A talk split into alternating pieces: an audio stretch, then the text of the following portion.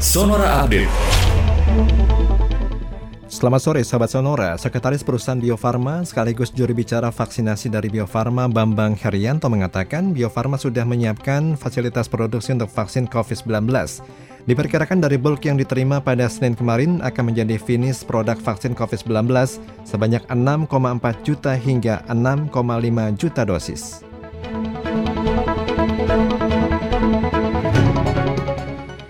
Polri memastikan peraturan pelanggaran lalu lintas akan dihitung menggunakan poin sudah berlaku. Jika melanggar batas poin maksimal, sanksinya berupa pencabutan SIM berdasarkan putusan pengadilan. Hal tersebut tertuang dalam Peraturan Kepolisian Nomor 5 Tahun 2021 tentang penerbitan dan penandaan SIM. Kepala Seksi Standar Pengemudi di Tregiden Korlantas Polri, Ajun Komisaris Besar Arif Budiman mengatakan, aturan tersebut sudah berlaku. Perpol tersebut sudah resmi ditandatangani sejak Februari 2021 berarti sudah ditetapkan dan berlaku. Namun, ada masa sosialisasi lebih dahulu dan waktunya minimal selama enam bulan sejak terbit.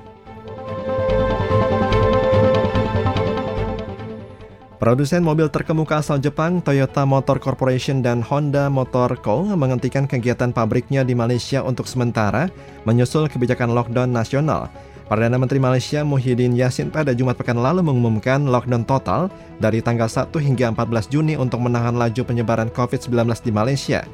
Kebijakan ketat ini turut mempengaruhi rantai produksi kendaraan dari Toyota dan Honda di Malaysia yang bernilai cukup besar.